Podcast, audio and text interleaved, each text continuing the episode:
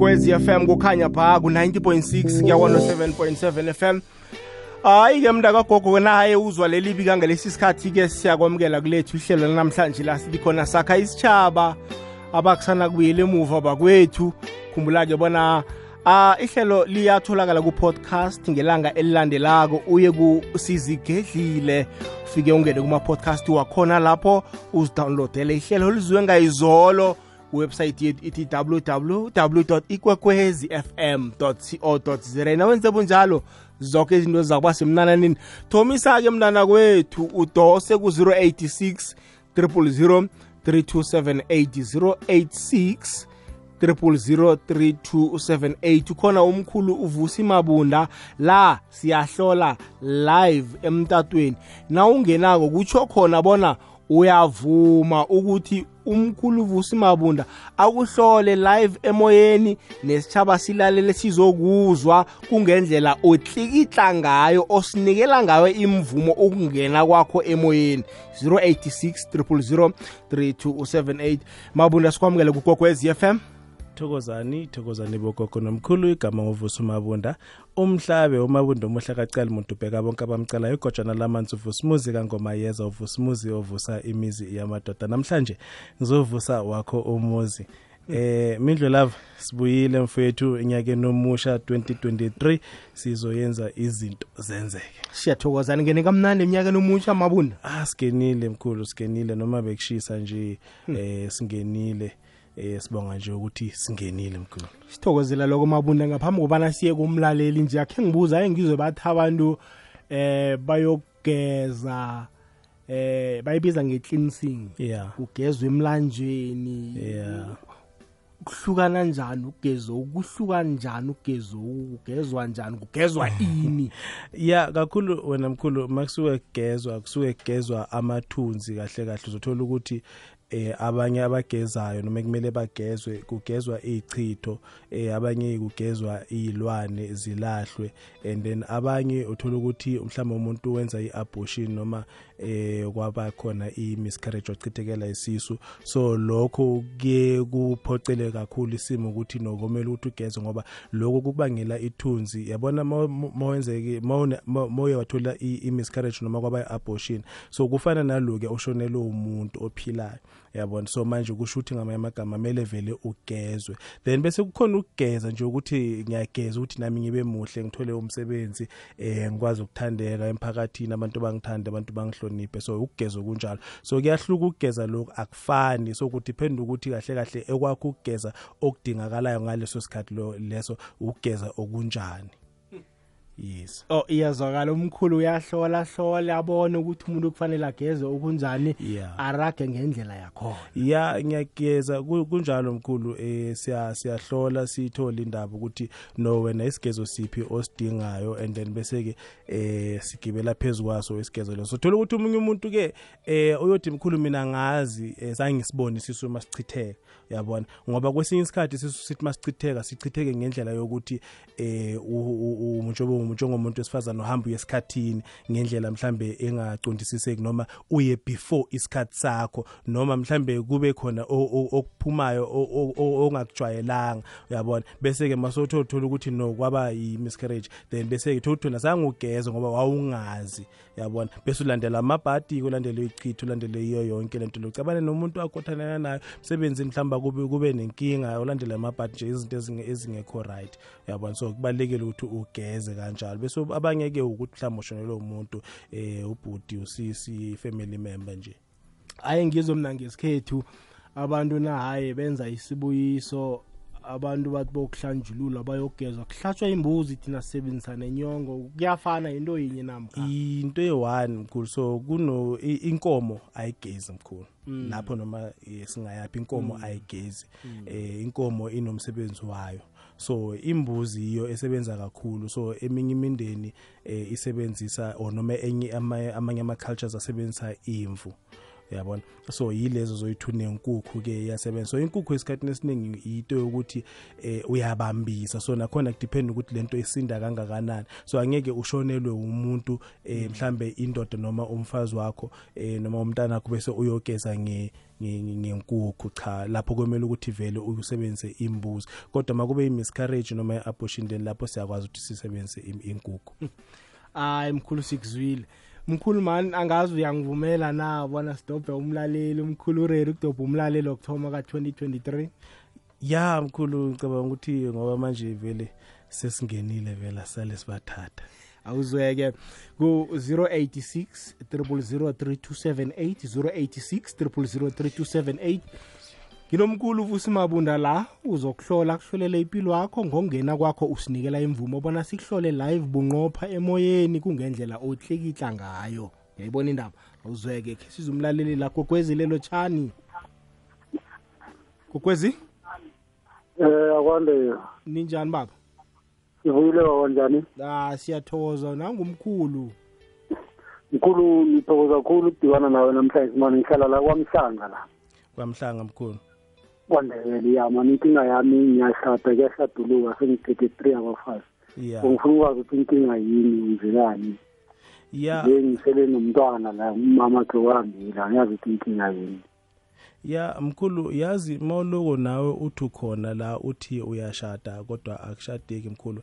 Yazi la bekumele ngabe sithuma sithi siyakhuleka mkhulu. Kube ngathi straight siyokhuleka ekhaya straight la wena ophuma khona mkhulu la wena wazalwa khona khehle yathi inkulumo la mkhulu kahle kahle kuyinto le eyahamba kwaba ngathi namanje iyenziwa straight ekhaya mkhulu wo- ukuthi l- abantu noma mhlambe u- abomakoti bangangeni mkhulu noma nina nisebenzele straight ekhaya. Yathi inkulumo la mkhulu mawuloku uthi uyakhuluma lento lena kuhamba kube ngathi namanje wena khehla kunesilwane ohamba naso wena mkhulu kodwa kuyinto engathi namanje ihamba iphebeza izinto zakho mkhulu. Yazi wena moloku uthi khona mkhulu lento kahle kahle ayi- ayicoshi abantu besifazane kuphela ihamba iyocosha ngisho imali wena mkhulu ngoba mangithi ngiyayizwa lento mkhulu imali yona yayibamba ngezandla zakho kodwa manje isheshe bese iyaphunyuka mkhulu ngoba kahle kahle wena impumelelo bekungamelanga engabe uyayithola wena khehla ngendlela ekwenziwa ngayo mkhulu. Yathi inkulumo la kahle kahle bekumele ngabe thina siyahamba kodwa sithi masihamba kube ngathi siyesigangeni siyophahla mkhulu siyile silahle lento lena wena khehla kodwa silahle ngesimo sokuthi siyageza wena mkhulu. Ya ungaragela phambili?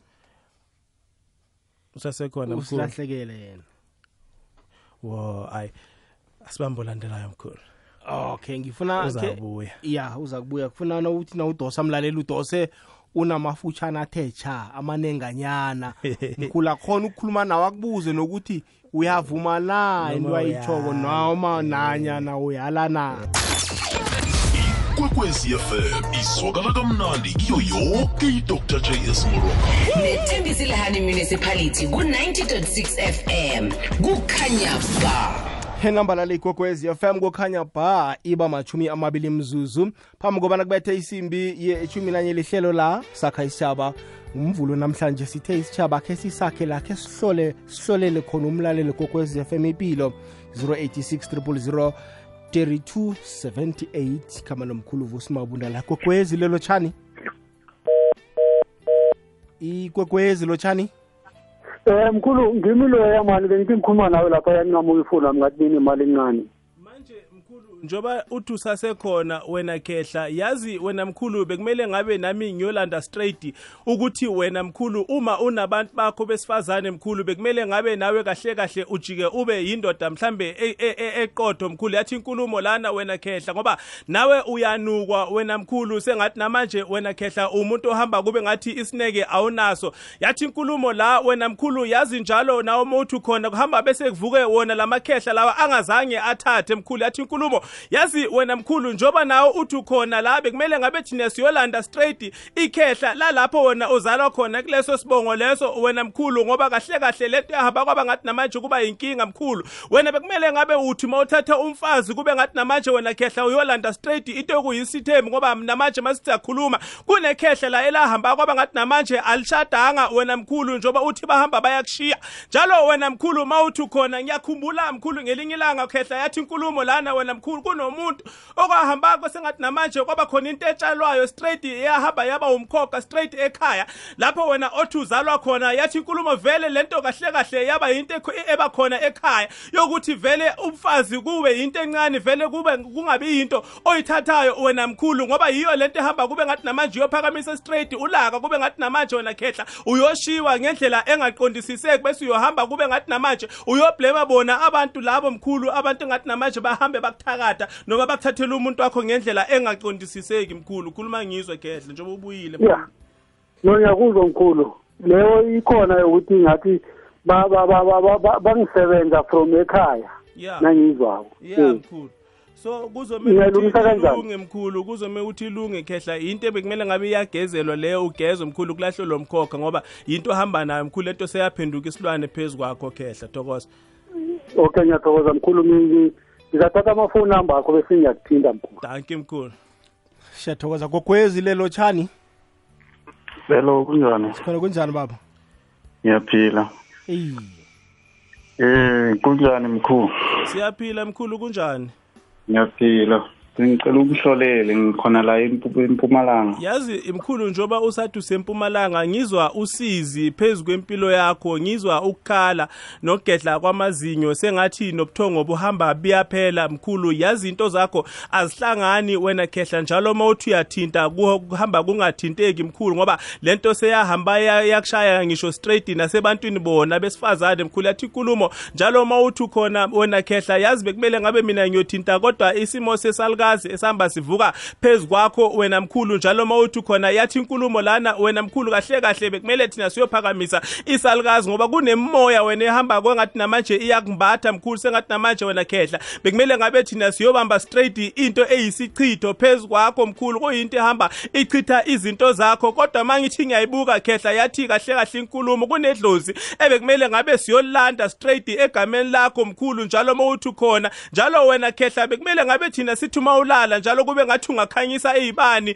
wena mkhulu kube ngathi uyacela ngoba ngizwa usizi mkhulu into zakho azihlangani zonke khehla. Yazi namanje bekumele ngabe wena mkhulu umuntu nohlezi ongasebenzi ngoba mangithi ngiyayizwa inkulumo ithi kahle kahle wena mkhulu usizi onalo usizi ohamba nento eyisinyama straight phezu kwakho mkhulu ehamba vele ichitha yonke into yakho mkhulu. Yazi njoba uthi wena ukhona mkhulu yazi kahle kahle nemali bekumele ngabe uthi uyayiphatha ivele iphunyuke nje isinoma kanjani wena mkhulu ngoba kahle kahle kunogogo lana ebekumele ngabe siyahamba siyomvusa kube ngathi siyoncenga khona izinto zakho mkhulu ingakho bekumele ngabe ukhanyisa izibani mkhulu. Yazi kuhamba bese kuphakama ibhayi phezu kwakho wena khehla njalo uma uthi khona mkhulu kunebhayi lana okuyindwange bekumele ngabe uyoyithola wena mkhulu kodwa kuyindwange ngathi injeti injeti emeruni mkhulu. Yazi injeti bekumele ngabe njalo uma uthi yakhuleka bese uqoka yona mkhulu. Kunokumnyama engikubona ngathi kubukumbethe wena khehla. Yazi njalo wena mkhulu uma uthi khona yazi abantu wena khehla bakuthandisisi kahle ngoba mangithi ngiyakuzwa mkhulu usizi lakho lusekuthelini abantu. Kungani bangangithandi? Kungani mina izinto zami zingalunga? Ngazi khuluma nami ngizwe mkhulu. Ah uqinisile yonke into ekhulumayo mkhulu injalo.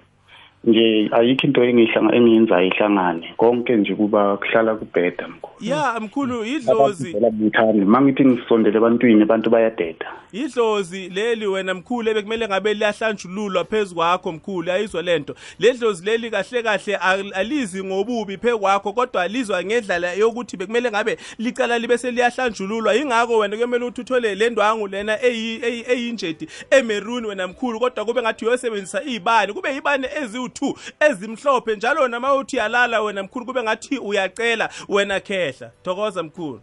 Thokoza mkhulu ngiyabonga. Ngizothatha inamba zakho mkhulu. siyabonga siyathokoza baba. Le gogwezi lotshani.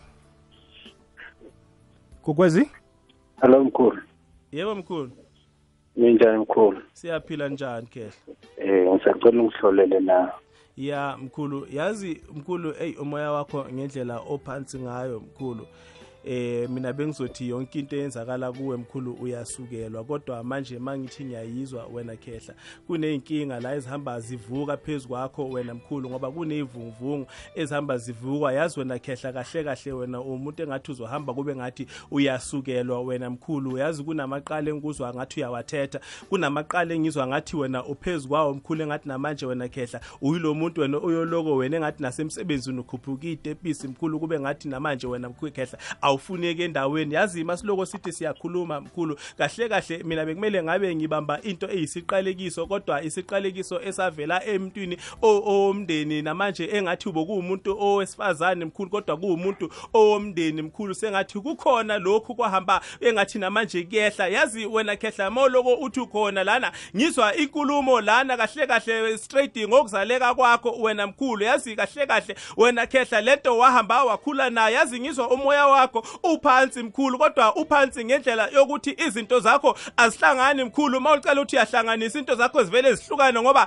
lento kahle kahle wena wakhula nayo mkhulu ngoba kwakungamelanga ngabe vele wena waba khona kwasemhlabeni mkhulu ngoba kwaba khona indaba kwaba khona inkulumo. Ingakho into zakho singeke zihlangane mkhulu. Even abantu babesifazane mkhulu yazi wena yonke into othi mawuyenza kumele ngabe uyalwela mkhulu kube ngathi uyafoster mkhulu uphoqa isimo yingakho namanje mkhulu. Lento lokho ekulandela sengathi namanje kunamaqala mani. Ebe kumele ngabe namanje wena uhamba uyawathetha kube ngathi ukhuphuka itepisi njalo njalo uyothetha amaqala wena mkhulu nawe ungabe usazi ukuthi kwenzakalani ngalefu elimnyama eloko liphezulu kwakho mkhulu angazi uzophendula uthini lapho njoba usasekhona mkhulu nawe. Hey mkhulu. Hey kona kunzima mina angazi ngancedeka kanjani ngoba hey kunzima kakhulu man and angazi ukuthi yasuka kanjani lento umkhulu akukhulumako baba uya experience empilweni yakho? Eh eh kona kunjani thatha inomboro baba uza kukhuluma naye ngale komoya. Oh ngiyabonga. Siyathokoza baba. Leyigwegwe ezilotshani lotshani ninjani sikhona njani baba? Sivili siphilile nguThomas eh esiyabuswa. Thomas esiyabuswa nangumkhulu. Njani mkhulu? Siyaphila njani baba? Siyathokoza mkhulu mkhulu nami ngisaba omkhulu ukhanyisele ngokundala isibongo.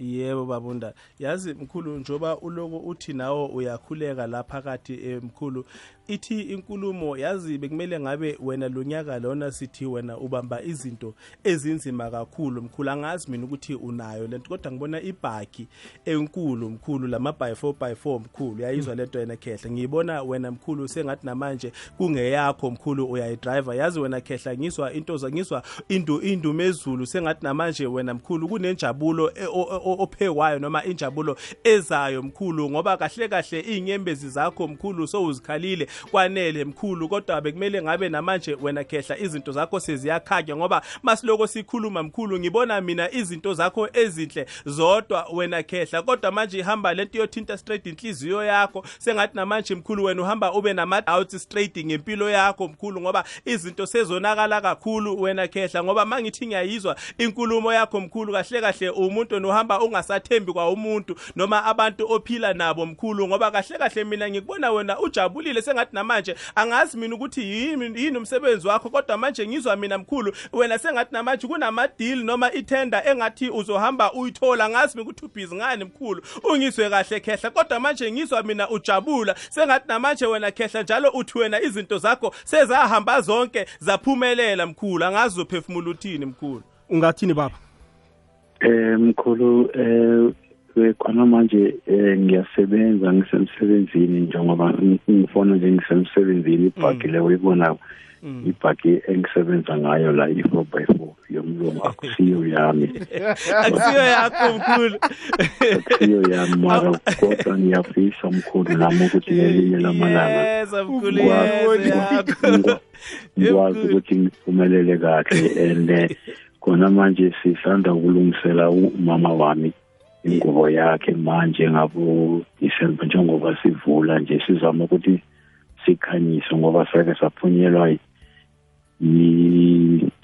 umhlahlo wokuthi umndeni wabo bami wonke kusukela emuva lekumele sidibane senze inkomo. Manje abanye badonsela le abanye badonsela le. Ya manje mkhulu yazi njoba wena usathi badonsela le badonsela le mkhulu into ongayenza wena khehla wena lento ungayenza uwedwa noma nalaba abavumayo wena khehla bese ke ujike uyisho le ndaba uyibike edlozini ukuthi cha nakhu mina enginenzela khona wena mkhulu. Eh bese ke laba abangekho uzibani bani nozibani bani nozibani bani kodwa ningaba ningabakwateli ngoba nabo bahlulekile ukuze sho ungabakhulumi kabi. Wena ukwenze lokho mkhulu as long as wena wazi ukuthi yini lento ekumele uyenze. Uyenze mkhulu ngoba njoba ngisho ngithi wena mkhulu kukhulu kuyeza khehla. Njoba uthi ibhakhi ikhona kodwa kuyona yakho ngithi yakho iyeza mkhulu. Njoba ulungisa vele kusho ukuthi izinto ziya lapho wena khehla.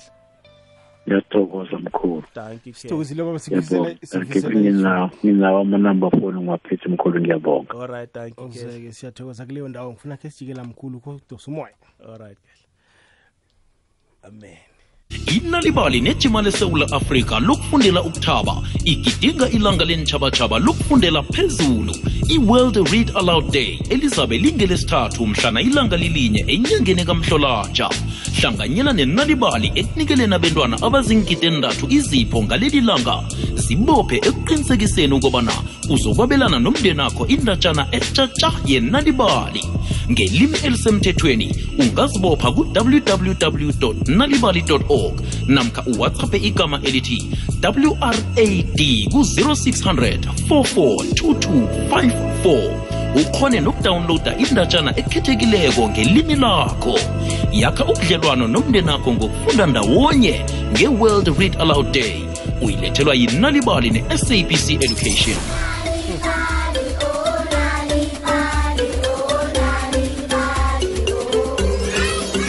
nambala leyigwegwezi fm kukhanya pha ibalikhomba imizuzu phambi kobana kubethe isimbi yechumi nanye ku-086 000 3278 086 000 3278 kanti umkhulu wenzani manje? Ubona neniveni zemvu zamakhuwa yavela mkhulu yavela. Yavele sibona ubona mkhulu, kanti yamakhuwa mkhulu athi hayi akusiyo yami ikhona uyayibona mara yamakhuwa ube honest. Ya. Yeza siyathokoza. Kukwezi lotshani Sithokoza ninjani ngekukwezini sikhona baba njani?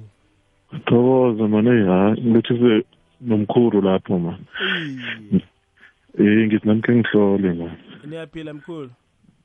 Ah ngisaphila ba Oh, ya yazi mkhulu bengizokubuza mina ukuthi kahle kahle ungewakabani sibongo kodwa manje mangithi ngiyayizwa indaba la wena khehla kahle kahle vele bekumele ngabe ngiyakubuza mkhulu ngoba wena uvela njengomntwana obangwayo kodwa ungathi ubangwa idlozi wena khehla ngoba ithi inkulumo la bekumele masithi siyakhuleka straight kube ngathi sikumikisa kuboma wakho kube ngathi siyokukhulekisa khona mkhulu. Yathi inkulumo la wena khehla kahle kahle kuneyinhlanhla zakho ezihleli kodwa zihleli straight kiboma wakho ngoba masithi siyayikhulekisa le ndaba ithi inkulumo sezulwini wena mkhulu kahle kahle namanje lesi sibongo osibizayo mkhulu kuhamba kube nebidan solid wena khehla ngathi namanje kwahamba kwangapheleliswa kahle wena khehla straight kubobaba wakho ngoba mangithi ngiyayizwa ithi inkulumo lana mkhulu kuhamba bese kuphakama isalukazi straight ngapha kuboma wakho sengathi namanje kuyisona esinesitswebhu mkhulu esingathi siyahamba bese siyagadla wena khehla yazi iy'nhlanhla zakho mkhulu zihamba bese ziyabambeka kodwa zibanjwa yidlozi straight emkhathini mkhulu athi inkulumo sezulwini. Yazi namanje wena khehla bekumele ngabe thina siyabamba kodwa sithole umsebenzi engathi ngumsebenzi ongconywana mkhulu kunalo osebenza noma kunalona okhona mkhulu. Yathi inkulumo la kahle kahle kunomsebenzi la bekumele ngabe uyawubamba. Wena mkhulu umsebenzi wezandla wena khehla ngoba mangithi ngiyayizwa ithi inkulumo sezulwini izinto zakho wena mkhulu zibanjiwe straight emkhathini engathi namanje wena khehla. Bekumele ngabe thina siyozirelease kodwa sizirelease straight kiboma wakho khehla kube ngathi namanje soyenza straight imbeleko eyembuzi mkhulu sifake isiphandla mangabe siyangena mkhulu thokoza. Sithokoza into azikhulumako uyazivuma baba besibongo sebenzisa usebenzisa sakwabani? Sekhenu na? Ngiberekisa sekhaya street akababa sekhaya straight sakababa Eh. Uphi yena ubaba? Ubaba alala ulele last of last year. Last of last year. Umntwana ovelele ekheni omkhulu namkha ekhenu. Eh ngibona amavele ekhethu umkhulu oh uyayibona indaba isalapha. so ya ilapho Eh. kahle kahle. La umbango lo hamba uvela straight wena mkhulu emva kwakho yayizwa lento nawe mkhulu kahle kahle into zakho bekumele zithi uma zikhanya kodwa kube ngathi ziyocala straight komalume wakho wena mkhulu ngoba kuhamba kube sekuyakhaleleka straight ukuthi wena kukhona izinto ezingazange zipheleliswe ekhaya kuboma wakho mkhulu. Ingako nesalukazi nasithi masivuka sivuke straight ngolaka sengathi namanje vele wena waba umntana okusala ekhaya. Okay. Uza kuthatha inomboro baba. Siyathokoza. Gogwezi lotshani? Awande njani khona kunjani baba? Ngiyaphila kakhulu. Siyathokoza baba. Ukuphi nendawo kuphela? Ng- ngila e-witbank baba. Okay baba. Nangu mkhulu. Uya- uya- Yebo, uya- m- uyaphila kunjani mkhulu? Yebo siyaphila mkhulu.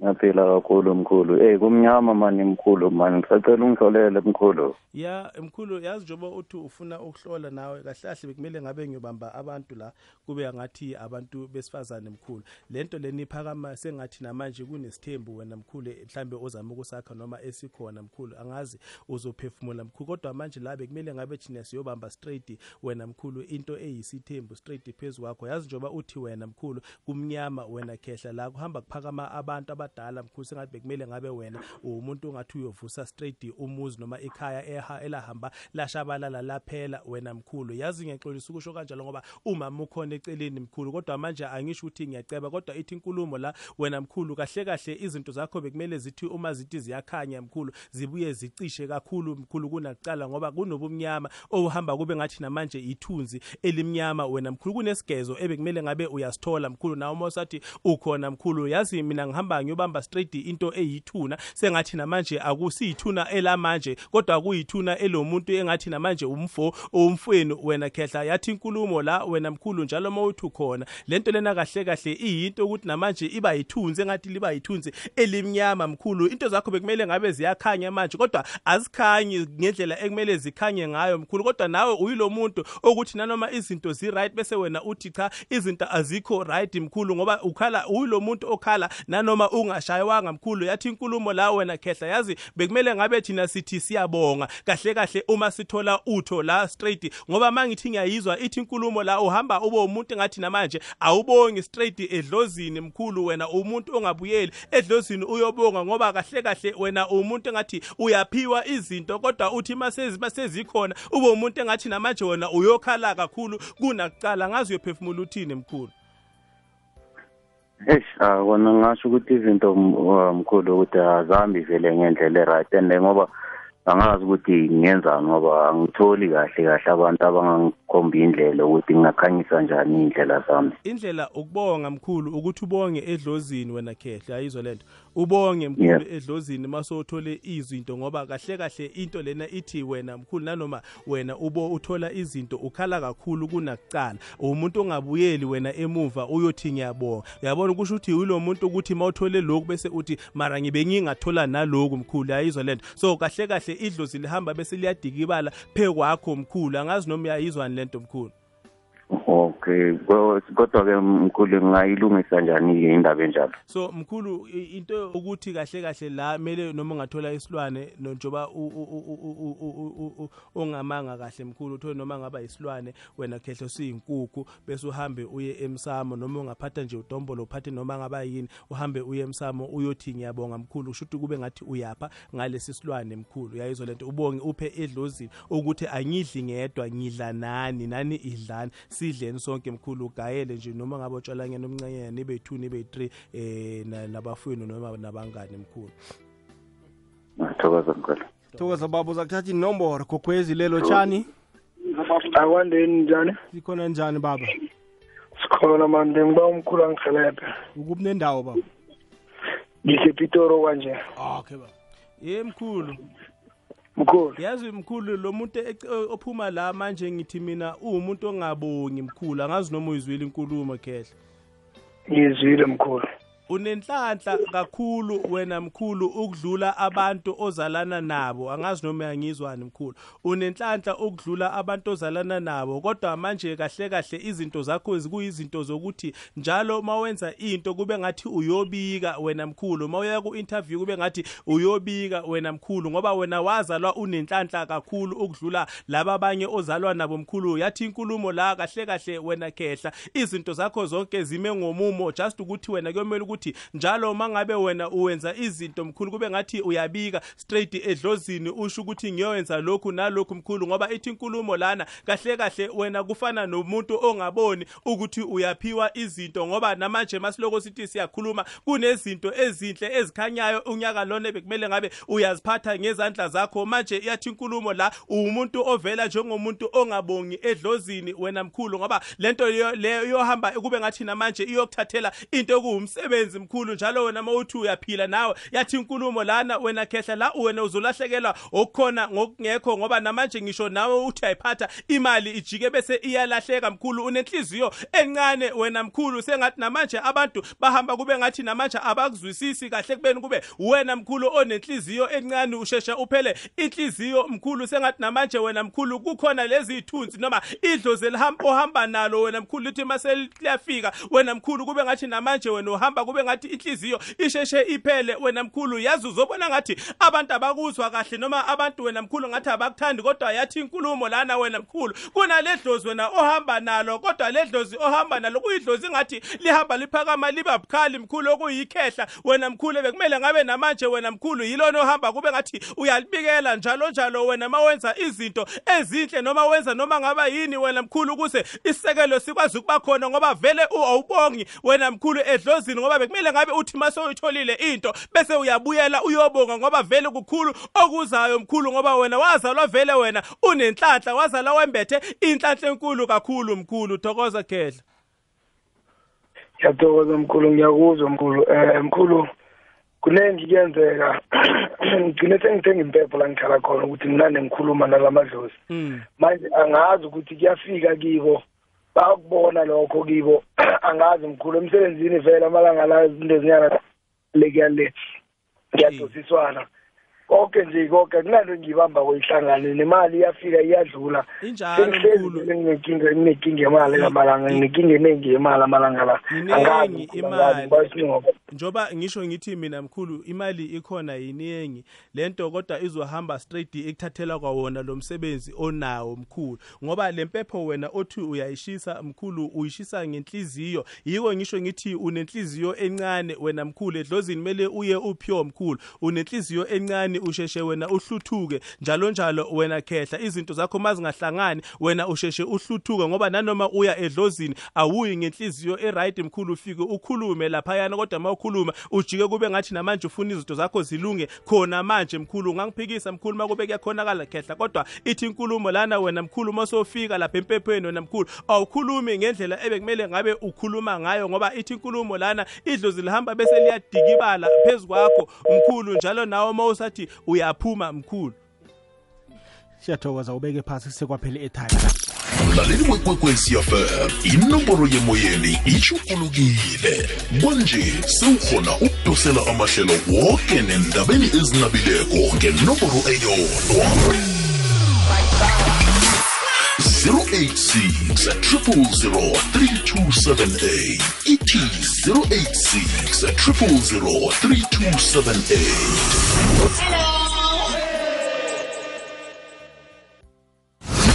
emelo ukuya ehenrina. Lalela ngompopo ohatsha ukusukela edouble 94.5 ikwekwezi fm kukhanya ba nambala likwekwezi FM kukhanya pha. Hayi mlalisi ukusebenzela ukuyisonga-ke nje sinomkhulu. Hayi man 086 3278 mkhulu kunendaba eh ngiyakuzwa uthi umuntu imali ayimhlalele ezandleni zakho uyayithola kodwana ichabalale nje angayiboni. Bakhona ukusebenza imali abantu bakwenze ukuthi ungasaba nemali. Mhlawumbe umuntu aboleke imali Yeah. ayoyisebenza ukuthi isahlala kuwe kuyenzeka mkhulu eh manje le viki eliphelile ngiye ngenza ivideo khona laphayana ku ku YouTube mkhulu ngichaza yona le ndaba okhuluma ngayo mkhulu. In- indlela esafe ukuthi imali yakho bangayisebenzi yile yebhangi mkhulu.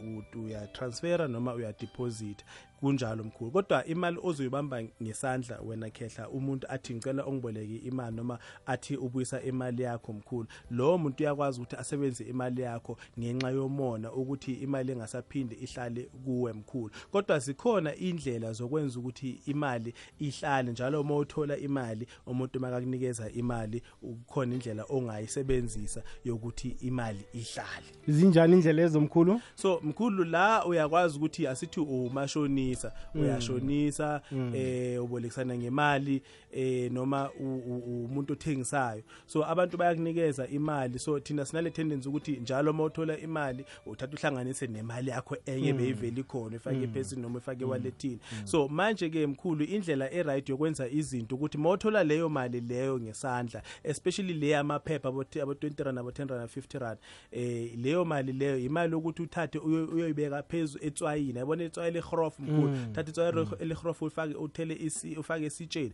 moceda bese ke leyo mali leyo uyoyilalisa lapho mkhulu. So whatever moya okhona kuleyo mali leyo uzodonswa yileli tswayi leli wena uthatha imali yakho uyoyisebenzisa khehla yizo kodwa enye indlela e- e-right mkhulu yokuthi uthatha imali yakho uyoyikhanyisela iy'bani mkhulu. Angithi um njengoba uthengisa njengoba ubolekisane ngemali whatever indlela oyise- oyenzayo yindlela esithemba ukuthi indlela yedlozi wena mkhulu. So ukuze imali engaphunyuki ukuthi thatha le mali lena wena mkhulu uphinde futhi uyibisele edlozini uyoyibika. Uthi nansi imali yenu mkhulu eh, eh, bogogo nabomkhulu eni- eningiphe yona. Le mali lena ngiyayibona eh iningi yona. Kodwa manje ngisafuna imali engaphezulu kwale mkhulu. Awubongi bese uyathula ubonga bese uyasho ukuthi ngicela ukuthi le mali lena yande.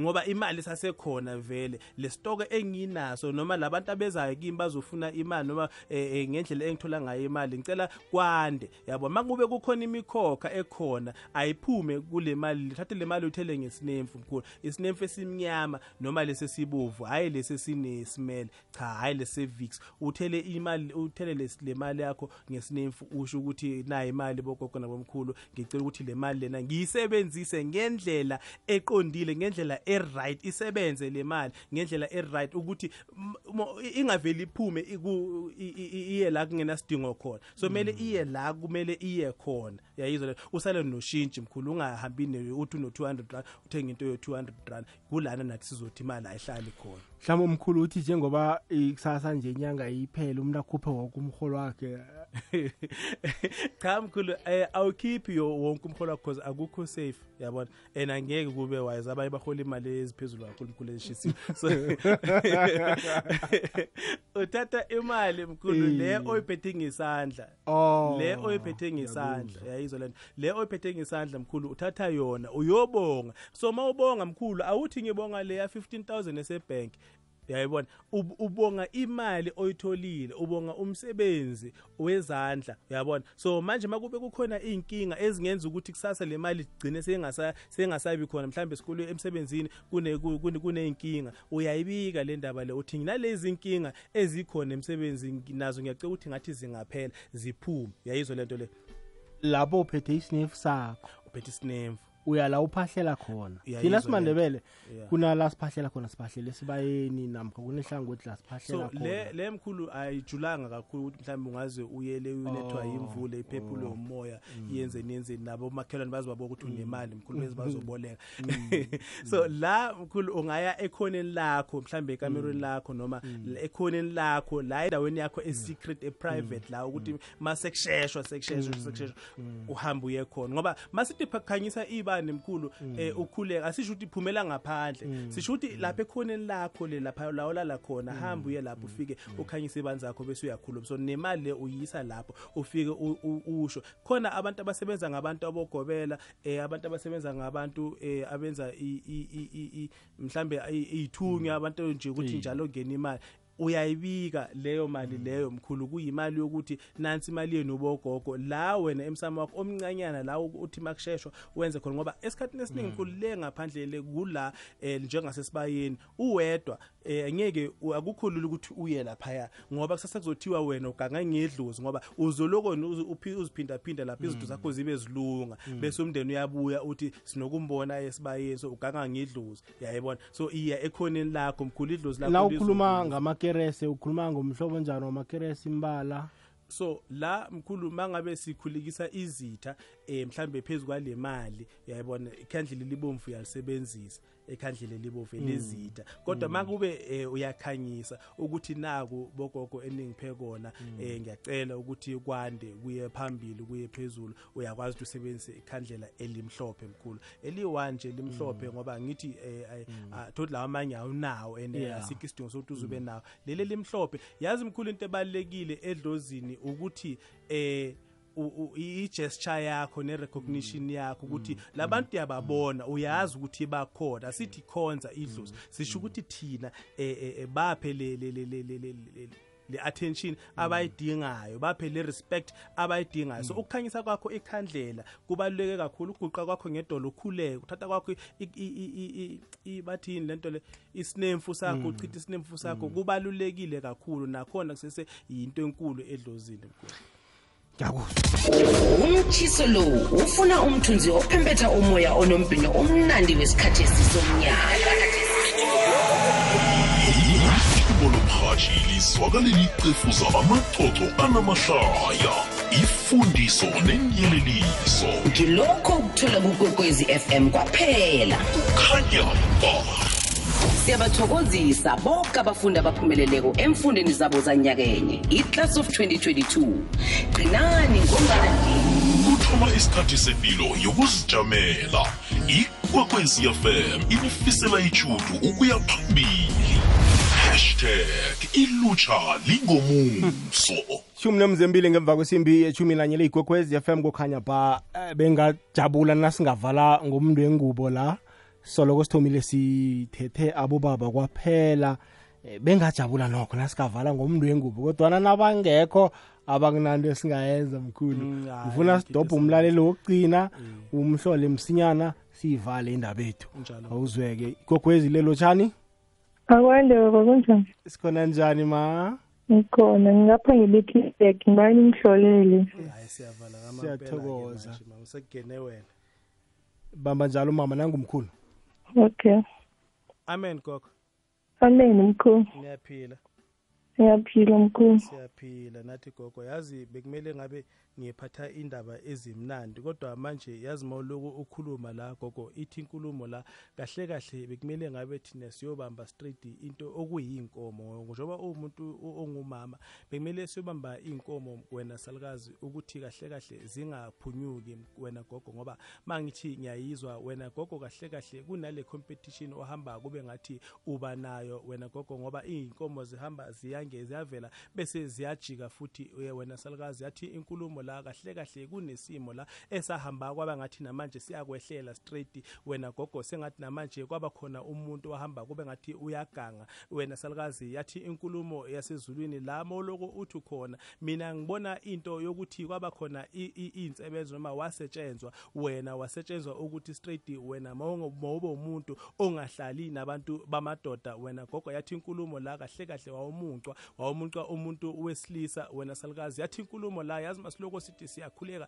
Kuhamba kuphakama into kodwa engathi namanje kuyinto eyisiso esahamba kwaba ngathi sachitheka straight phe kwakho ngoba mangithi ngezwa ngizwa isinya sakho engathi sihamba kube ngathi siyaxokozela gogo yathi inkulumo lana kunento ehamba idla ngathi idla wena isisu sakho noma i- i- i- isibeletho sakho wena gogo ngoba mangithi ngiyabuka bekumele ngabe ngiyobamba straight into okuyinzalo yakho yazi moloko uthi khona ngizwa wena gogo kahle kahle awuhlaliseki ngisho nasemoyeni ngoba izinto zakho mawucala uthi nawe uyazizamela wena salukazi into zakho zivele zonke bese ziyalena nalena ziyacharagana yathi inkulumo lana kahle kahle bekumele ngabe thina siyayilungisa le ndaba kodwa sithi uma siyilungisa kube ngathi singahamba straight siye emfuleni. Sithi uma sifike emfuleni siphathe imali engango-7 rand kodwa kube ngathi namanje kunendwango ebomvu eyindwango kube ngathi namanje soyothatha siyiphonsele straight emfuleni wena. Gogo kube ngathi iyolandela yileyo mali leyo ngoba ithi inkulumo lana kunento into bekumele ngabe siyoyilahla kodwa kube ngathi silahla kuwe wena salukazi kuyinto engathi namanje kuyishwa phezu kwakho njalo uma uthi khona yathi inkulumo lana kahle kahle kunomkhokha wena ohanjiswa nawo wena gogo ngoba kahle kahle wawuliwa kuliwa nabanye abantu wena abantu oqhudelana nabo wena straight gogo yathi inkulumo lana leti yahamba